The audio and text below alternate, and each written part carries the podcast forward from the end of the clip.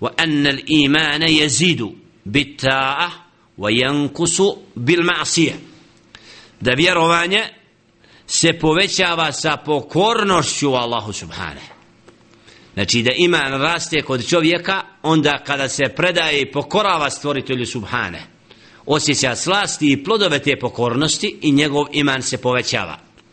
وَيَنْكُسُ بِالْمَعْصِيَةِ A sa griješenjem i nepokornošću Allahu subhanahu wa ta'ala čovječiji se iman umanjuje i na takav način čovjek znači osjeća svoju slabost u vjerovanju i biva od oni koji znači osjeti propust os, uzroke onih dijela koja je činio. Kaže Đedle Še'nu o povećavanju imana u objavi fa amma alladhina amanu fa zadethum imanan wa hum yastabshirun a što se tiče oni koji su vjerovali koji vjeruju fa zadethum imana. Pa im se njihov iman uvećao i oni su bili time obradovani. Znači ovdje vidimo da Allah subhanahu wa ta'ala upotrebljava pojam fazadethum imana. Pa se njihov iman u značenju pa se njihov iman povećao.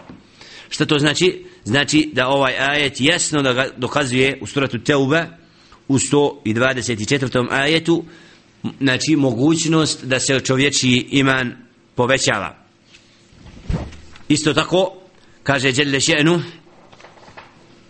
إنما المؤمنون الذين إذا ذكر الله وجلت قلوبهم وإذا تليت عليهم آياته زادتهم إيمانا وعلى ربهم يتوكلون zaista su istinski i pravi vjernici oni koji kada se Allah subhanahu wa ta'ala spominje njihova srca zatrepte. I kada se uče ajeti stvoritelja subhanahu wa ta'ala njihov se iman povećava.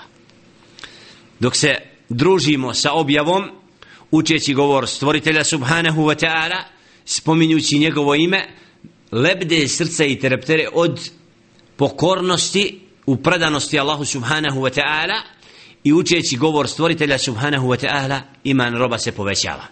To svaki onaj ko se druži sa Kur'anom i onaj koji uči Kur'an i koji zna šta znači upravo veličina i vrijednost govora stvoritelja subhanahu wa ta'ala zna da sa druženjem sa Kur'an i Kerimom upravo čovjek postaje čvršći i jači i na takav način udaljava se od zablude i da njegov iman postaje čvrst i zato je obaveza činiti djela koja budu uzrokom da se čovječi iman uvećava.